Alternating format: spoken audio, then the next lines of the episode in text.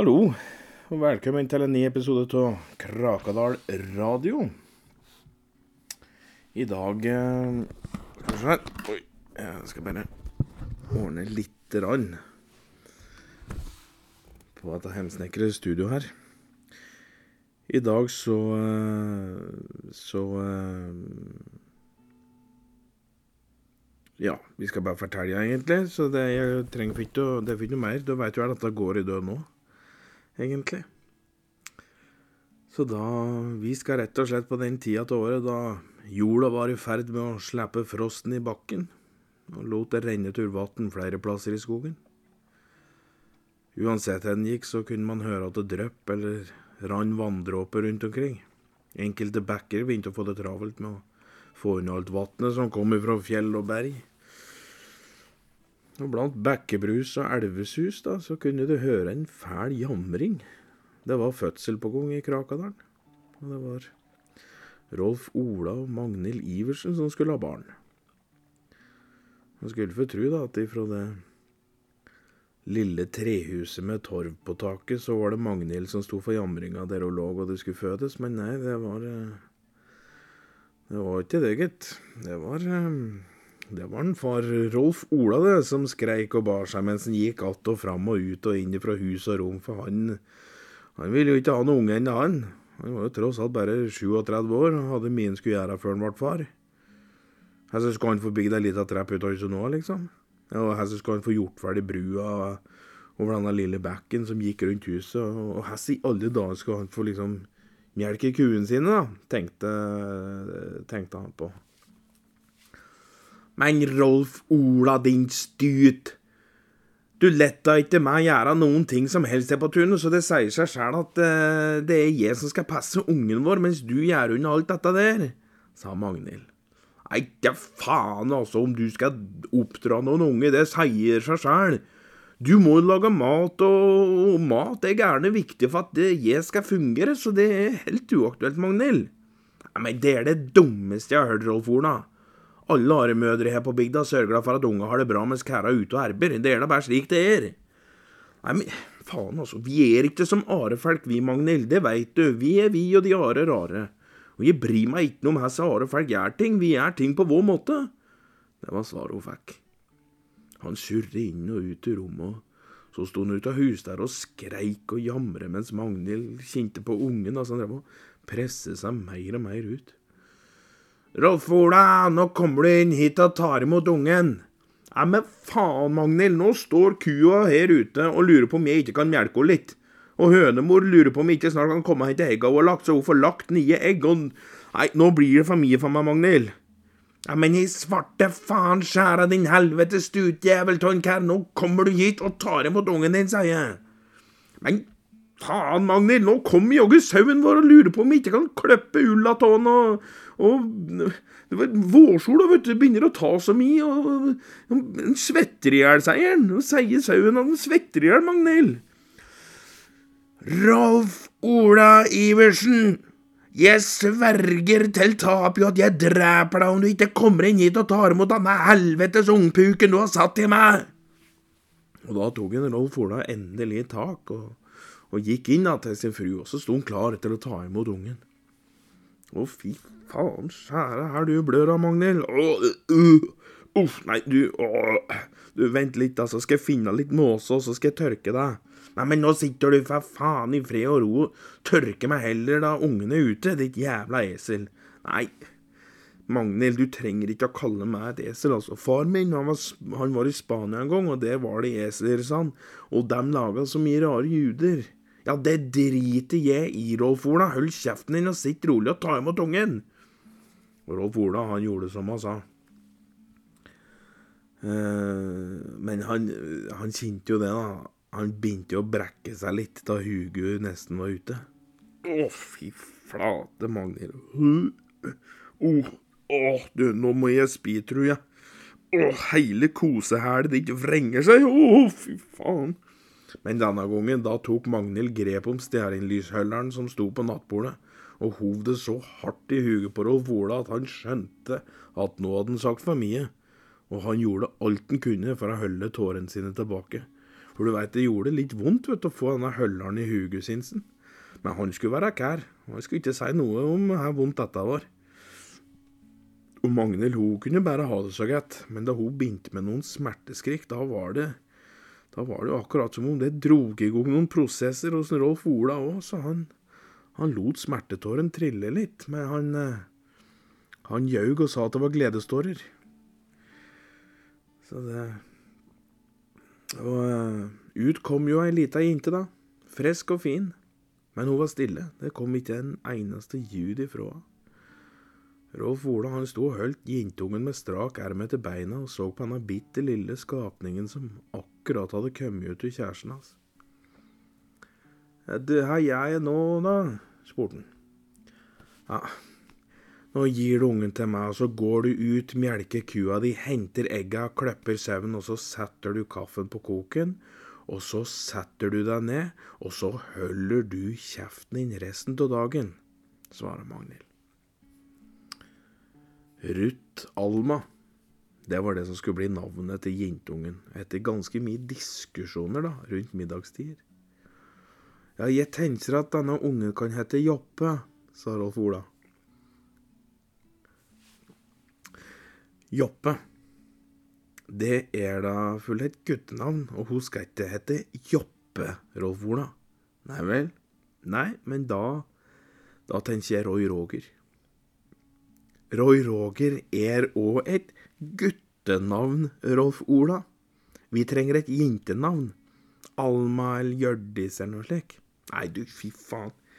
Ikke faen om ungen min skal hete Alma eller Hjørdis, altså. Det nekter jeg. Du, her med Arne Jon Iversen.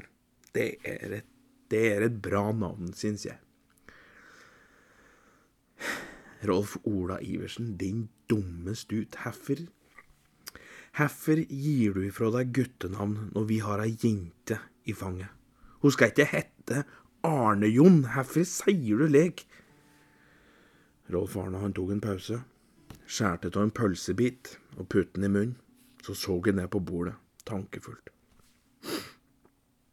Jeg veit ikke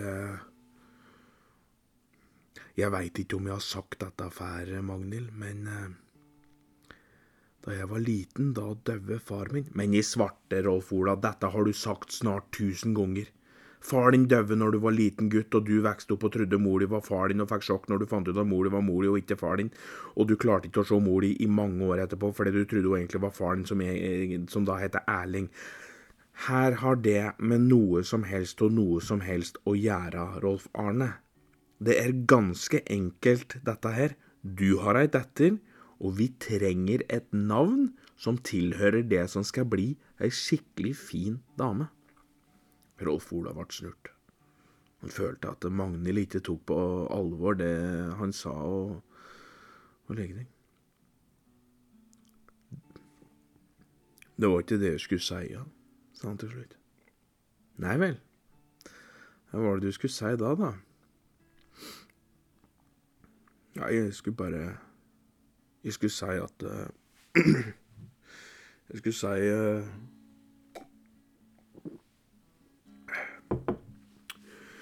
At far min, han døde da jeg var liten. Jeg visste ingenting om livet, men jeg visste at kuer var kuer, og griser var griser. Jeg visste at sola ga ljus, og at elva inneholdt vann. Og det er store tanker, det, for en liten kær på tolv år. Tanker som, som er med på å, å prege en resten av livet. Og sjokket mitt, Magnhild, når min far ikke er min far, men er min mor Altså, sjokket. Jeg får slengt der i ansiktet i en alder av 14 år. Når alt egentlig er som det er. Altså, grana er grønn, og snøen er hvit, men min far er ikke min far, men min mor. Og det var tøft. Det er tøft.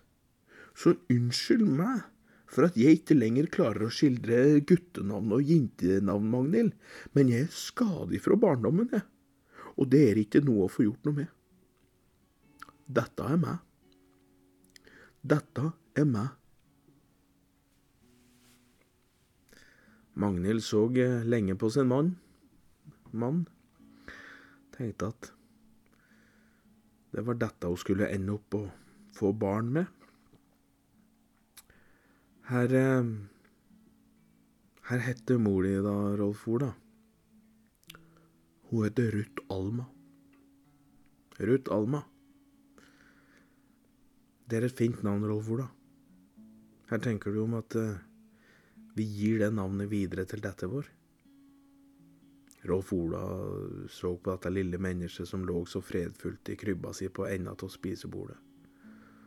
Han fikk tårer i øynene, og så sa han, det, det syns jeg vi skal gjøre, mi skjønne frøken. Og Ruth Alma hadde fått sitt navn. Og oppveksten videre, den skulle Den skulle by på mye rart. I starten av hennes liv så hadde far hennes, Rolf Ola, prøvd å få unnagjort alt han skulle gjøre mens han skulle oppdra Ruth Alma. Mens hennes mor skulle visstnok ikke få lov til å gjøre noe annet enn å se på. Men det gikk ikke mange minutter før det prosjektet der var eh, avsluttet. For det ja, det nekter jo simpelthen Magnhild Iversen å godta. Det første som skjedde, det, skjedde, altså det første som skjedde da, tre dager etter at Ruth Alma hadde blitt født, det var at far han skulle spikre noen planker inn til hønsehuset. For reven hadde jo klart å bryte seg inn, og så hadde han drept tre av de fire hønene de hadde, da, kvelden før dette her. Og morgenen det hadde jo da startet med at eh, Rolf Ola hadde gått ut og sett alle disse hønsekadavera som lå spredd rundt i hønsehuset. Og han hadde jo begynt å hylgrine, vet du, så Magnhild hadde jo Hun hadde jo trodd det hadde skjedd noe med ungen. Nei, men slapp nå av, Rolf Ola, vi får oss nye høner.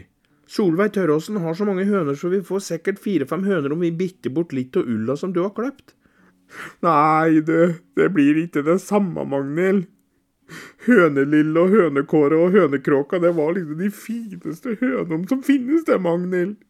Og dem kokler og kakler og slik som bare dem kan, og jeg får aldri mer høre dem kakle igjen nå, Magnhild. De er døde. De er døde for alltid. Ja, slapp nå av da, Rolf Ola. Du, du skulle da uansett slakte et par av seg til vårfesten, så de skulle jo daua lell, dem. Ja, men det veit vi ikke, for det kunne jo hende at vi hadde omstemt oss og slakta en sau i stedet, vet du. Og det hørtes en bælyd litt bortafor han sa der, og Rolf Ola han så jo da at da var det sauen Otto som sto der og så på han med et dumt blikk og hadde noe vassent høy i kjeften. Nei, nei da, Otto. Otto, jeg bare ljuger. Jeg bare ljuger. Tilgi meg, for jeg veit ikke hva jeg sier lenger. Meint. Ta nå slutt da, Rolf Ola. Nå, nå, tar du og så spikrer opp planken som er ødelagt, og så ordner jeg meg klar til å gå bort til Solveig, så vi får oss nye høner. Rolf Ola, han Han så snurt ut på sin fru, men hun hadde jo rett. Det var jo ingen vits i å stå der og hulke og skremme bort både høne og sau. Han fester ut Alma i en nevekonte på ryggen, altså en slags sekk, da, bygd av øh, bjørkenever.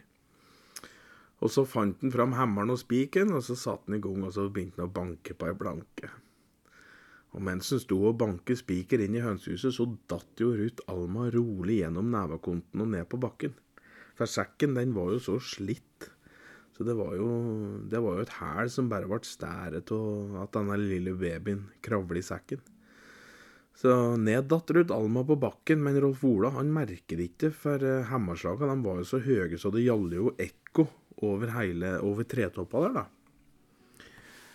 Men her i svarte faen, Rolf Ola! skreik Magnhild når hun kom ut, kom ut att. For mens Rolf Ola snekret på hønsehuset, så hadde høna gått bort til Ruth Alma som lå på bakken, og hun sto der og kakke og hakke på denne vesle babyen med nebbet sitt. Og Rolf Ola han snudde seg og så hva som foregikk, og tok hammeren og slo til høna i huget så han for flere meter opp i lufta og bakk seg ned igjen. Og boms i bakken så var jogge den høna død òg, gitt. Nei, faen nå! Å, nei, nei, nei, nei, sa Rolf Ola og fløy bort til høna mens Magnhild fløy bort til babyen. Uff a meg nå! Åh, Nå har vi inga høner i det hele tatt nå, Magnhild! jamrer Rolf Ola mens han la høna på fanget sitt. Ja, men det driter for jeg faen i, din stutjævel, tenk nå heller på vesle Ruth. At du kunne være så dum da, Rolf Ola, jeg veit ikke hva jeg skal gjøre med deg.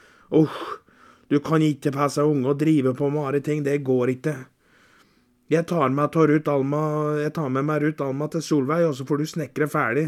Og heretter så er det jeg som tar av meg ungen, og så får du, så får du ta deg av kveldsstellet. Og slik ble det. Rolf Ola han fikk brukt dager på det han skulle gjøre, snekre bru over bekken og tette hæl i hønsehuset og bygge ei trepp til inngangen til huset og melke kuer og alt som var. Men. Og så Magnhild hun ordnet da med nye høner som hun bitte bort med, mot ull. da. Og hun laga måltider, mens Veslerud Alma hun satt da trygt oppi ei stol som Rolf Ola hadde bygd. Så, og Ruth Alma hun vokste opp og lærte ting av sin mor. Og så lærte hun litt ting av sin far, selvfølgelig. Og en dag, når Ruth Alma hadde blitt seks år, så hadde hun fått med seg eh, en pannekake til sin første dag på skolen. Denne må du kose deg med, hadde Magnhild sagt før hun sendte jentungen i vei på den, på den eh, sju kilometer lange vandreturen det tok å gå til skolen. Hun hadde brukt de fire dager i, i førveien på å lære Veslerud Alma veien til skolen, så hun skulle klare å gå den sjæl. Og den første dagen på skolen, det var en solfylt augustdag i 1775. Og fugla dem kvitrer glade sanger som gjorde at gåturen gikk lett for alle de små unga som vandret ut ifra hver sin grind og langs stien, som da tok dem til skolen lærerinna det var, som hun fikk, da, det var en koselig dame som heter Tora. Og hun hadde alltid et smil å komme med, selv de dager det regnet og det var grått og trist. Og det syntes hun var trivelig. Ruud Alma ble eh, satt ved sida av ei jente som heter Ågot. Ågot sa Hun sa egentlig aldri noen ting. Eh, hun rakk aldri opp nevene sine i timen. og hun satt alltid under et ospetre når det var friminutt. Vil du smake på pannekaka mi? spurte Ruth Alma da den første skoledagen, for hun så at Ågot hadde ikke med seg matpakke. Men Ågot hun svara ikke. Du kan få smake hvis du vil. Jeg har aldri smakt pannekaker sjøl, så da kan jo vi smake sammen. Ågot sa fortsatt ingenting. Ruth Alma reiv pannekaka i to og la den ene halvdelen framme Ågot, men Ågot gjorde ikke annet enn å se ut vindusruta. Nå, nå tar jeg en bit, sa Ruth Alma, så løfta pannekaka mot munnen. Vent, sa Ågot plutselig. På her da? undrer Ruth Alma på. Tenk om det er gift? Gift? Ja, gift. Hva er det for noe? Gift? Det er, det er slik som man tar oppi maten til folk så de dør. Ruth Alma så på pannekaka, pannekaka si, og så så hun bort på Ågotat, og sa Ja, jeg, jeg tror ikke mor mi vil ha gift i maten min, for jeg tror hun er glad i meg. Er du sikker på det? Undrer Ågot på. Ganske, Alma. Ågot tok tak i pannekaka og så lufta på den. Det lufter ikke gift, sa hun. Ruth Alma lufter på sin pannekakebit. Åssen lufter du det, spurte hun så. Jeg veit ikke. Altså, veit du at de ikke lufter gift da? Jeg veit ikke, sa Ågot. Så tok han en bit av pannekaka. Ruth Alma ferdig med på Ågot med store øyne. Hvis jeg dør nå, så er det gift i pannekaka, og da må ikke du ete din pannekake, for da dør du òg. Men hvis jeg ikke dør, da kan du ete, sa Ågot. Hvor lang tid har du på deg før du dør, da? undrer Ruth Alma på.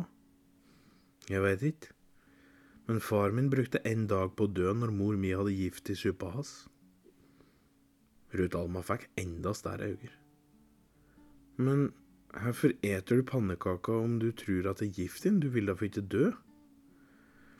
Nei, egentlig ikke, men Det gjør meg ingenting om jeg dør, for da får jeg sett far min igjen. Jeg savner han ganske mye, egentlig, og mor er jo borte, så Er mor di borte òg? Men hvor bor du hos, da? Jeg bor aleine. Landsmannen kom og tok med mor mi og satte henne i fengsel. Det viste seg at for noen år siden så hadde mm, mor til Lågot forgiftet sin mann etter at hun fant ut at han eh, egentlig var gift med søster hennes. Og Landsmann Åge han hadde tatt med til festningen i Elverum, der hun satt i fangenskap og ventet på å henrettes. Ågot hadde blitt så redd av den der rare og ekle lensmannen hadde hentet mor hennes, og hun hadde gjemt seg bak huset. Og det var ingen annen som visste at Ågot uh, eksisterte, så hun ble boende der alene. Eneste grunn til at hun hadde kommet seg på skolen, det var jo bare fordi at hun, hun hadde sett flere unger som hadde gått forbi huset hennes den morgenen, så hun hadde egentlig bare blitt med dem. Og her satt hun. Siden at Ruth Alma lærte seg å skrive. Ruth Alma hun ventet til eh, dagen etter med å ete pannekaka si. Og når hun så da at Ågot heldigvis hadde overlevd, da, da tok hun også åt sin pannekakebit. Hennes mor hadde jo sendt med noen gulrøtter og bringebær til den andre dagen, og de delte hun gledelig bort. Eh, og delte den matpakka der òg med Ågot, da. Hun fortalte om Ågot som bodde alene til sin mor og far, og så lurte hun på om ikke hun kunne få bo der sammen med dem. Men eh, far han var ikke helt overbevist om at det der var det rette. Ja, nei eh, Jeg har ei datter som jeg er så glad i, så jeg jeg veit ikke om jeg klarer å være glad i noen år, egentlig.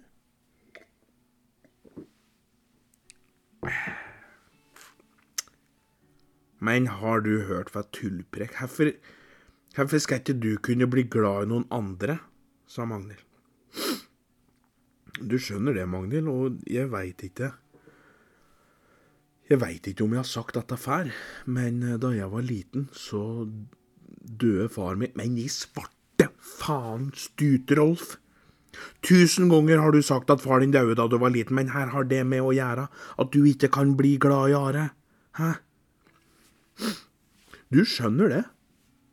At jeg hadde en bror, og jeg visste ikke om at han var bror min. Han bodde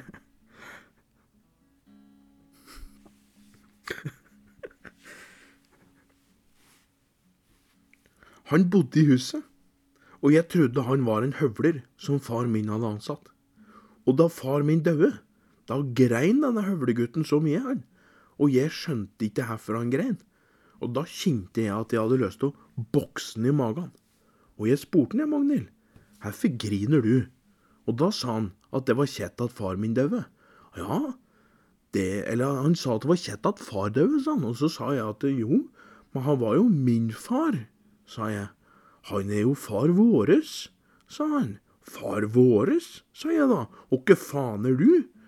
Og jeg er bror din, din tullebukk, sa han, og da kjente jeg at jeg hatet han for at han ikke hadde sagt noe, at han ikke hadde sagt noe. Så jeg boksa han rett i pissen så han datt i bakken. Og så bokser jeg meg sjæl i pissen for å kjenne etter om det var så vondt som han skulle ha det til. Og det kan jeg bare si, Magnhild. Det å bli bokset i pissen, det, det er dritvondt. Magnhild bare så på sin mann og lurte på hvor det skulle Altså, hvor det gikk galt, da, noen sted. eh, hun satte ut Alma på fanget, og så sa de at neste dag så kunne hun sperre og gått om hun ville komme og så bo hos dem. Nei, nei, det gjør du ikke, Ruth, hoien Rolf Ola. Nå holder du kjeften din, eller så river jeg av deg pissen din, sa Magnhild. Og da ble det tyst.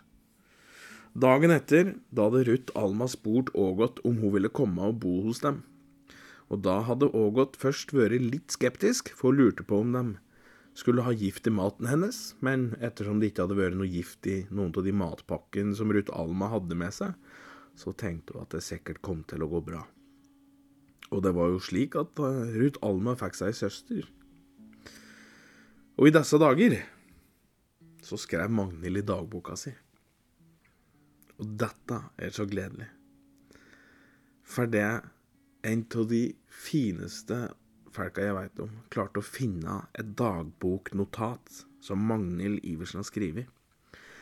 Og det var Mariann Hole som fant dette der, mens hun uh, rusler rundt i Pettholtet og en eller annen sommersdag. Og så Det var iallfall i Jeg veit ikke hva hun sa, 1929, 1930 eller et eller annet. Fant dette her, og, og fant heldigvis en hemmelaga opptaksspiller eh, som en eller annen hadde laga og glemt at. Um, for egentlig så drev Marianne og lette etter et tjern som hun kunne svømme, svømme, i. Men jeg har fått tilgang på det opptaket, og det opptaket det skal du få høre her. Kjære dagbok. Datoen er 8. september, og året er 1775. Jeg skriver i dag, for jeg vet ei hva jeg skal gjøre med min husbond Rolf Ola. Han er en tullefant og en sytepave, men akk, han er god der røttene er festet til hjertet hans. Allerede i min ungdom var jeg bevisst på at det ville komme utfordringer om jeg tok hans hånd, men det forlokkende smilet og det gylne håret overtalte meg til et forsøk. Et slags kjærlighetens eksperiment som har tatt meg over 20 år at utforske. Og her sitter jeg nå med et tungsindig hjerte og klump i halsen. Hans hode innehaver tanker som er meg uforstående. Og han jamrer om sin fars død som om det var en nylig hendelse som gjør opp for alt det snodige og gjerrige utførelsene hans av enkel medmenneskelighet. Jeg forstår ikke, kjære dagbok, om det er kjærlighet til meg, vår datter, eller en utelukkende kjærlighet til sitt eget vesen han utviser. Jeg har hørt om dem som har fått slag i hodet, og dermed mister evnen til å tenke lengre enn sin egen nese og mye tyder på at han har fått den slags slag en eller annen gang uten å ha sagt noe. Kanskje han ikke husker det, men han er jo også flink til å utføre praktiske oppgaver. Han snekrer utehus, han hesjer høy, sår poteter, og han har også vært på jakt med resultat. Og han farer sjelden med løgn. Dette er jo gode ting. Men han evner ikke å se andre mennesker. Han ser ikke meg. Han ser ikke vår datter. Han ser ikke andre som ikke har det så bra. Det er lenge siden han har vist noen ømhet overfor meg, men jeg kan på sett og vis forstå det, for jeg elsker han ikke som jeg gjorde før, og har heller intet behov for hans ømhet. Jeg savner den ikke. Kjærligheten jeg mottar fra vår datter, er mer enn nok, og jeg kan jo drømme meg bort til steder i livet hvor jeg var forelsket, hvor jeg trengte å bli elsket. Vi skal få en ny datter i hus. Hennes navn er Ågot og er en skolevenninne av Ruth Alma. Jeg ser fram til det. Og hva som kommer etter, vet jeg ikke ennå. Magnhild.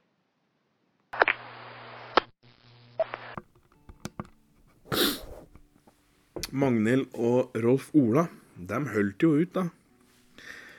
Det at Ågot hadde blitt en del av familien, det var bare ålreit, heldigvis. og det som ifra Rolf Olas side ble satt veldig stor pris på, det var jo at uh, Ågot var så interessert i å hjelpe til med, med dyrestell og snekring. Så hvis han skulle ut og jakte, så ville òg Ågot være med på det. Og det Ruth Alma kanskje var mer kjær i å hjelpe sin mor, så var Ågot Hun var ikke så interessert i Magnhild. Det kan jo skyldes forholdet hun hadde til sin egen mor. Hva vet vel jeg? Det var en morgen i 1783. Det var ikke en hvilken som helst morgen, det var nemlig Magnhilds 51-årsdag. Og eh, Ågot og Ruth Alma de skulle gå for å hente ei kake hos bakemester Hansen i Krakadalen. Det var jo en utrolig lang gåvei til uh, bakemester Hansen der, så sola hadde jo ikke stått opp ennå. Eh, de jentene hadde jo snart blitt nå 13 samarer eh, gamle. Følte seg voksne der de trasket så tidlig ut om morgenen. Sola ville jo ikke komme til å reise seg før etter en flere timer, men de var ikke noe trette og tenkte ikke noe over det. Men plutselig så passerte de huset som Ågot forlot for snart sju år tilbake. Det var noe snodige lys som drev og vandret rundt huset der, akkurat som fyrstikkflammer, bare at de var litt større. Og så drev de og bevege på seg. Det er lyktemenn, sa Ruth Alma og huket seg ned. Lyktemenn. Man ser dem ginne som små blafrende lys, snart her og snart der. Lyktemannen er en satans engel som skaper seg om til en hundeskikkelse og springer rundt grender og rot, tenner på garden dine når det mørkner og varsler om død og ulykke. Altså, veit du det? undrer Ågot på. Det står skrevet på en båt jeg så i Krakadammen, og han som eide den, fortalte om dem. Han hadde en kveld gått ut med bjørnespydet sitt for å jakte bjørn da det plutselig tentes ljus i trea rundt den. De hadde kjeppjaga han hjem igjen, og hadde de satt fyr på huset hans når han kom seg inn. Han kom seg ut igjen, da, men både kjerring og unger de lå og sov og brann inne. Derfor bor han nå i båt og lever av fisk, for der ute så kan de ikke finne han, sa han. Ågot ble helt stille, og hun skulle ønske at sola snart kjappe seg opp. Men hvorfor er de utafor huset mitt? Det bor jo ingen der nå. Akkurat da så ble flammen på lyktemennene stære. De marsjerte plutselig med høy hastighet mot jenten som satt på huk i grøftekanten. Vi må gå! Nå! sa Rutalma. Nei, jeg vil vite der de vil. Nei, men de brenner deg opp! Ja, da får de gjøre det, da. Ruth Alma prøvde å dra Ågot i ermen mens lyktefelket kom nærmere og nærmere, men Ågot rikket seg ingenting og reiste seg heller opp og gikk dem i møte. Ruth Alma sprang og gjemte seg bak en diger fururot som hadde blitt revet opp av en kraftig vindkast. Her er det du driver med, sa Ågot, men lyktefelket svara ikke. Hun kunne se at de lignet på små vetter, men de sto i flammer, det var liksom Ja, det var et merkelig skue, syns hun. Her er det du vil, spurte hun igjen, men intet svar. Og plutselig så begynte bakken å brenne, og når flammen la seg, så sto det skrevet i aske. Din far og mor venter, du må ta turen over evighetens sjø. Ågot fikk frysninger nedover nakken. Hun snudde seg og så på Ruth Alma som tittet rolig over fururota. Og så var det noe som skjedde i blikket til Ågot. Noe som ga Ruth Alma en helt forferdelig grusom følelse.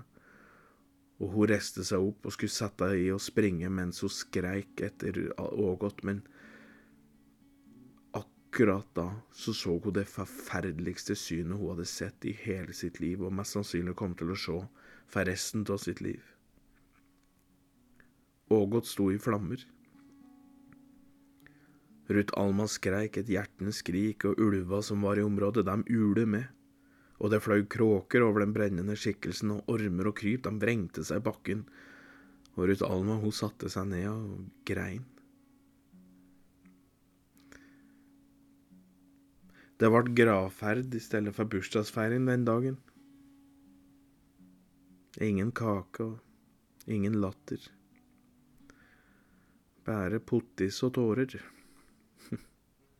Kistebærer Pedersen gjorde alt han kunne for å trøste familien Iversen, men de var jo utrøstelige. Og i de resterende år, da ble Rolf Ola sittende i hønsehuset og skrive sanger til Ågot som han skulle ha klart til å synge den dagen han sjæl gikk over på den andre sida. Og sjøl om Hønum eh, satte pris på sanga som kom, så syns vi Magnhild og Ruth Alma at det var eh, Ja, det var jo litt vondt, men det var jo slitsomt òg. men den ene sangen, den eh, Den kan faktisk jeg. Så jeg tenkte jeg skulle spille den. Åtte. Retten og sletten.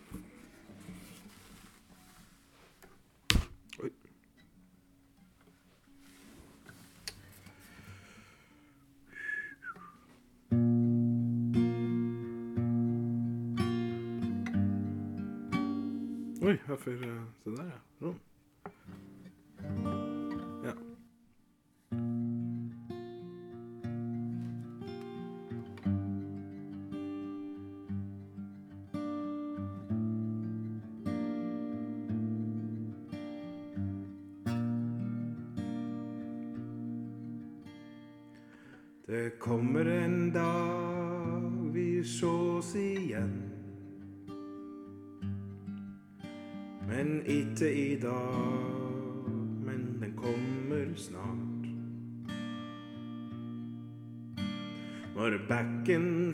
Til is og er kald.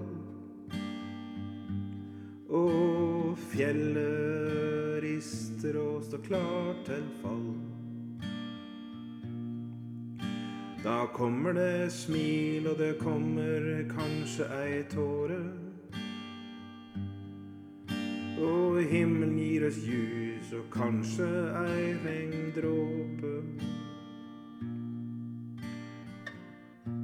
Da finner jeg di hånd. Og jeg danser, ja. Det kommer en dag da vi blir borte. Men vinden blæser fortsatt, og sola den vil skinne. Og et tre vil knekke, og en katt sier mjau. Sjæl om jeg ligger i jorda og er steindau. Og graset vil puste så grønt og så mjukt.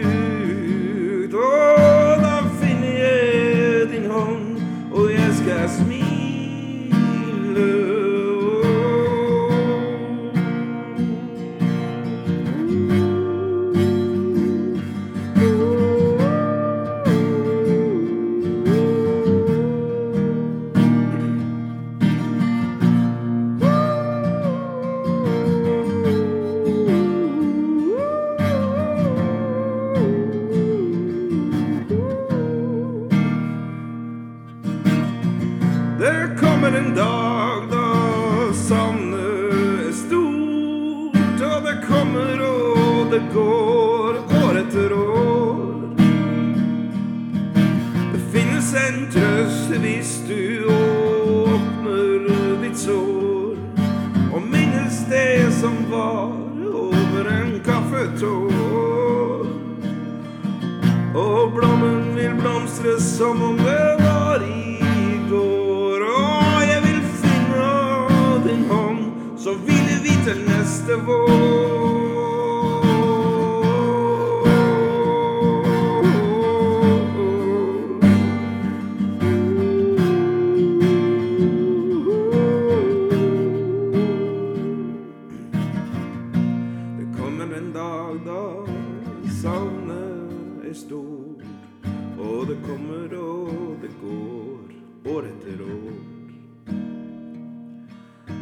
Finnes trøst hvis du åpner ditt sår og minnes det som var over en kaffetår. Og blomstren, den vil blomstre som om det var i går. Og jeg vil finne av din hånd, så hviler vi til neste vår.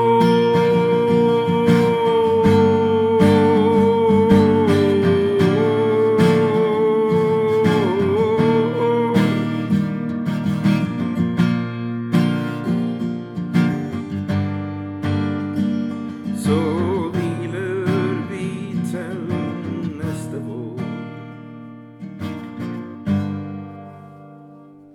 Jajamensan, for faen. All right. Mm.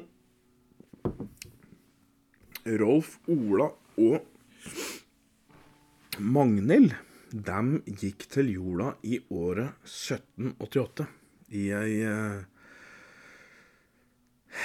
Ja, det blir jo en slags eh, ulykke. De ble 56 år gamle. Eh, Magnhild hun satt på trappa og laget til litt saft, mens Rolf Ola han sto på taket for å reparere ei pipe. Magnhild, nå må du hjelpe meg, for nå sitter jeg fast. Ja, men hvis du har satt deg fast, så klarer du å komme deg løs. Ja, jeg hadde jo ikke spurt om hjelp av de om jeg hadde kommet meg løs, må du vite. Ja, men prøv, da. Ja, men jeg prøver så godt jeg kan, men nevene mine sitter fast, Magnell. Hvordan har du klart å sette fast nevene dine i ei pipe, Rolf Ola? Jeg driver og skal fjerne et uglereir, men ugla vil ikke flette ut, så nå sitter ugla og holder mat, og jeg trenger ja, at du hjelper meg nå.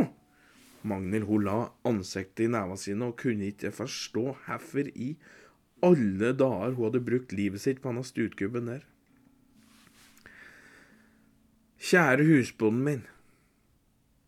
Hvordan i alle dager skal det kunne gå an at ei ugle er sterkere enn et fullvoksen og ganske snart gammel gubbe? Unnskyld meg, Magnhild, men jeg veit ikke om jeg har sagt dette til før, men Far din daue da du var liten. Ja, det har du sagt tusen faens ganger, men hesse i svarte helvete, Rolf Ola! Hesse faen kan det være relevant når du blir holdt fast av ei ugle i pipa? Det ble stille ei lita stund i skogen. Til og med fugla tenkte at OK, nå er det bare å være rolig, for nå er Magnhild på bristepunktet. Og så til slutt Du skjønner det, min kjære frøken, at etter at far min daue, og vi skulle gravlegge han, da kom det ei diger ugle og kastet mett i mus på kista hans, og det lå nesten 40 mus og ormer på den kista der. Og hva det ugla gjorde da? Da tok ugla og kasta et meitemerke i øret mitt, og da ble jeg så redd, jeg. Da ble jeg så redd, Magnhild, at jeg datt i en stein med huget først. Og så slog jeg til nesten alt vett som jeg hadde. Og jeg lå der i gresset i nesten 14 dager, før noen så at jeg lå der, og ga meg litt vann, og da våkna jeg opp igjen. Og etter det, Magnhild, etter det så jeg jævla med respekt for ugler! Endelig så kom det en slags oppklaring for Magnhild sin del på hvorfor eh, Rolf Ola var som han var. Og tenkte at eh, jammen var det nok. Nå var det nok. Hun gikk inn til peistua og satte fyr på en vedfavn som sto klar der inne for å reike ut ugla. Men det hun ikke visste, det var at det var en liten lyktemann som hadde gjemt seg eh, inni pipa og drog med seg flammen videre opp til reiret, så reiret tok fyr. Og ugla begynte å brenne, og det gjorde òg skjorta til Rolf Ola. Og han skreik og jamret seg så høyt at det var et ekorn som hadde gjemt seg over dærkarmen, eh, som hadde blitt så redd, så det ekornet det spann att dæra så hardt akkurat idet Magnhild var på vei ut. Så hun fikk jo dæra rett i panna og boms i bakken, og så lå hun der og hadde svimt av. Og Rolf Ola brann opp, og torva på taket, den tok fyr, og like etter så sto jo hele huset i flammer, og Magnhild brant jo òg inne, da. Ruth Alma hadde på den tida der flett litt nærmere skula si og bodde i et kollektiv. Kom da tre dager seinere hjem igjen til et uh, Ja, det var jo en sorgens gårdstun. Det var en diger askehaug som var alt som var att av hennes barndomshjem. Og gris, ku, høner og sau, de sto stille på tunet og ventet på at Magnhild eller Rolf Ola skulle komme til liv igjen og hjelpe de da, så de fikk mat og trimme ull. Ruth Alma gikk rundt og spurte dyra om de visste hvor foreldra hennes var, og hønene de trippet da bort, og så viste de en brent sko som tilhørte far hennes.